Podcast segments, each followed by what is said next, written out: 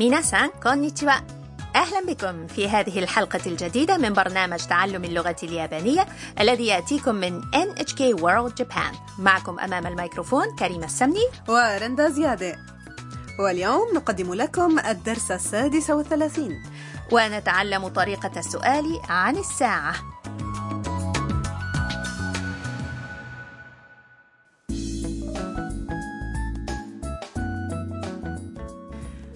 تقوم الطالبة الفيتنامية تام برحلة إلى هاكوني مع صديقتها أياكا وقد وصلتا إلى فندق ياباني الطراز فيه حمامات عيون ساخنة وأنهتا إجراءات التسجيل وتقودهما إحدى النادلات إلى غرفتهما تعالوا إذا نستمع إلى حوار الدرس السادس والثلاثين こちらの部屋でございます お風呂は何時から何時までですか朝6時から夜12時までですタム、日本の温泉入ったことあるいいえ、初めてです。楽しみです。 إليكم المعاني النادلة تقود تام وأياكا إلى غرفتهما وتقول こちらの部屋でございます هذه هي الغرفة وتام تسألها お風呂は何時から何時までですか من أي ساعة إلى أي ساعة يمكن استخدام حوض الماء الساخن والنادلة تجيب 朝6時から夜12時までです من الساعة السادسة صباحا إلى الثانية عشرة ليلا والآن أياكا تسأل تام タム、日本の温泉入ったことある يا تام هل سبق لك أن دخلت عينا ساخنة يابانية؟ وتام تجيب いいえ、初めてです。 لا أول مرة 楽しみです。 أتطلع إلى ذلك. تبدو تام سعيدة بأول زيارة لها لنزل العيون الساخنة. نعم تشتهر حاكوني بينابيع المياه الساخنة وبها الكثير من الفنادق اليابانية التقليدية التي بها حمامات العيون الساخنة والتي تكون غرفها مفروشة بحصر التتامي وتفرش عليها مراتب النوم.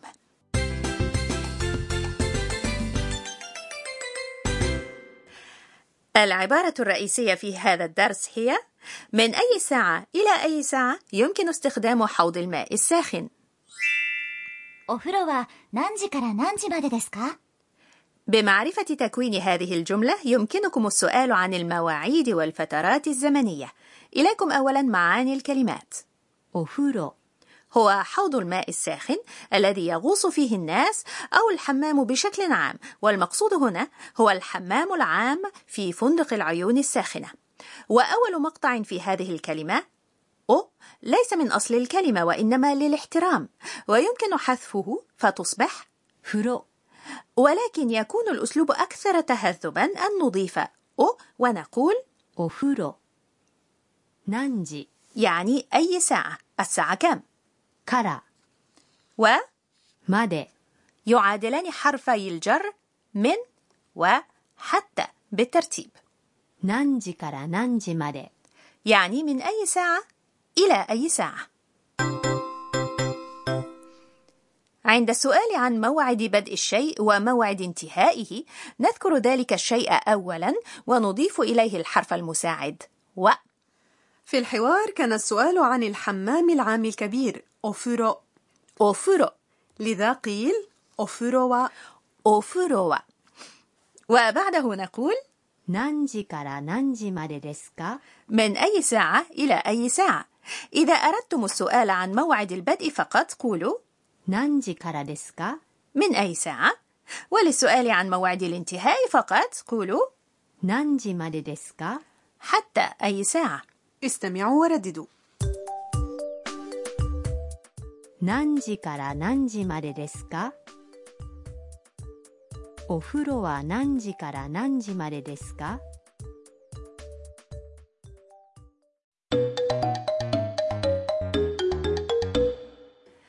إليكم مثالا آخر مشابها للسؤال عن المواعيد هذا حوار يدور في استقبال أحد الفنادق すみません。明日の朝食は 何時から何時までですか6時から9時半までになります。 إليكم المعاني すみません。 من فضلك 明日の朝食は何時から何時までですか الإفطار غدا من أي ساعة إلى أي ساعة؟ 明日 يعني غدا 朝食 هو الإفطار 明日の朝食は يعني إفطار الغد وهو الموضوع الرئيسي للجملة وبعده جاء 何時から何時までですか6時から9時半までになります。 من الساعة السادسة حتى الساعة التاسعة والنصف 6時 هي الساعة السادسة 9時半 يعني الساعة التاسعة والنصف 6時から9時半まで يعني من السادسة إلى التاسعة والنصف になります。 هو أسلوب يستخدمه موظفو الفنادق والمتاجر بدلا من أن يقولوا です。 استمعوا ورددوا 何時から何時までですか明日の朝食は何時から何時までですかすみません。明日の朝食は何時から何時までですか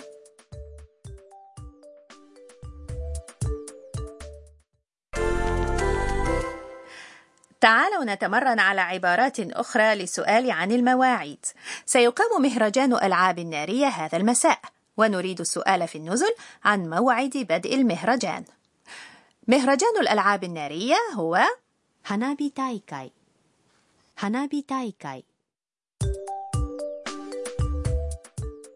花火大会は何時からですか花火大会は何時からですか نحن في متجر ونريد أن نسأل إلى أي ساعة يظل هذا المحل مفتوحا هذا المتجر يعني この店この店この店は何時までですかこの店は何時までですか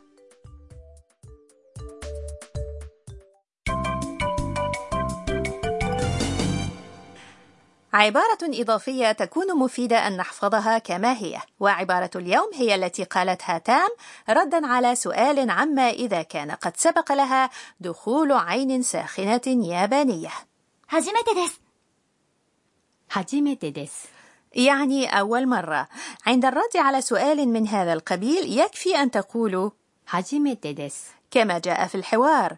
وإذا أردتم ذكر ما هو الشيء الذي ستجربونه لأول مرة اذكروا ذلك الشيء وأضيفوا إليه الحرف المساعد.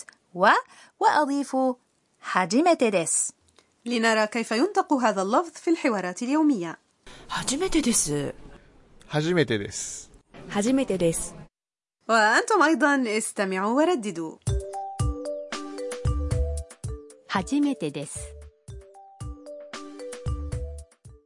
والآن تعالوا نستمع إلى حوار اليوم مرة أخرى こちらの部屋でございます。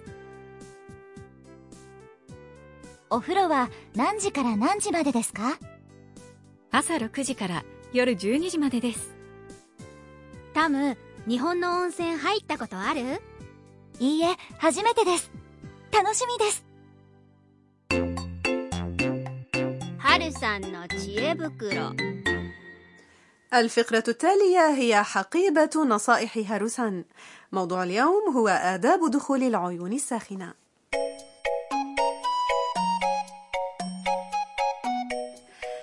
من يقوم برحلات في اليابان ستتاح له حتما فرصة دخول حمام عام كبير في العيون الساخنة وما شابه. ما يعني الاستحمام مع أفراد آخرين غرباء.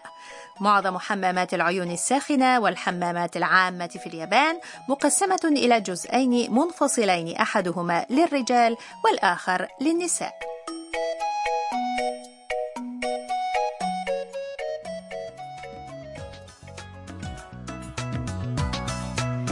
وصلنا إلى نهاية هذا الدرس من تعلم اللغة اليابانية. جاءكم من NHK World Japan. رحلة هاكوني تستمر في الحلقة القادمة. فكونوا معنا.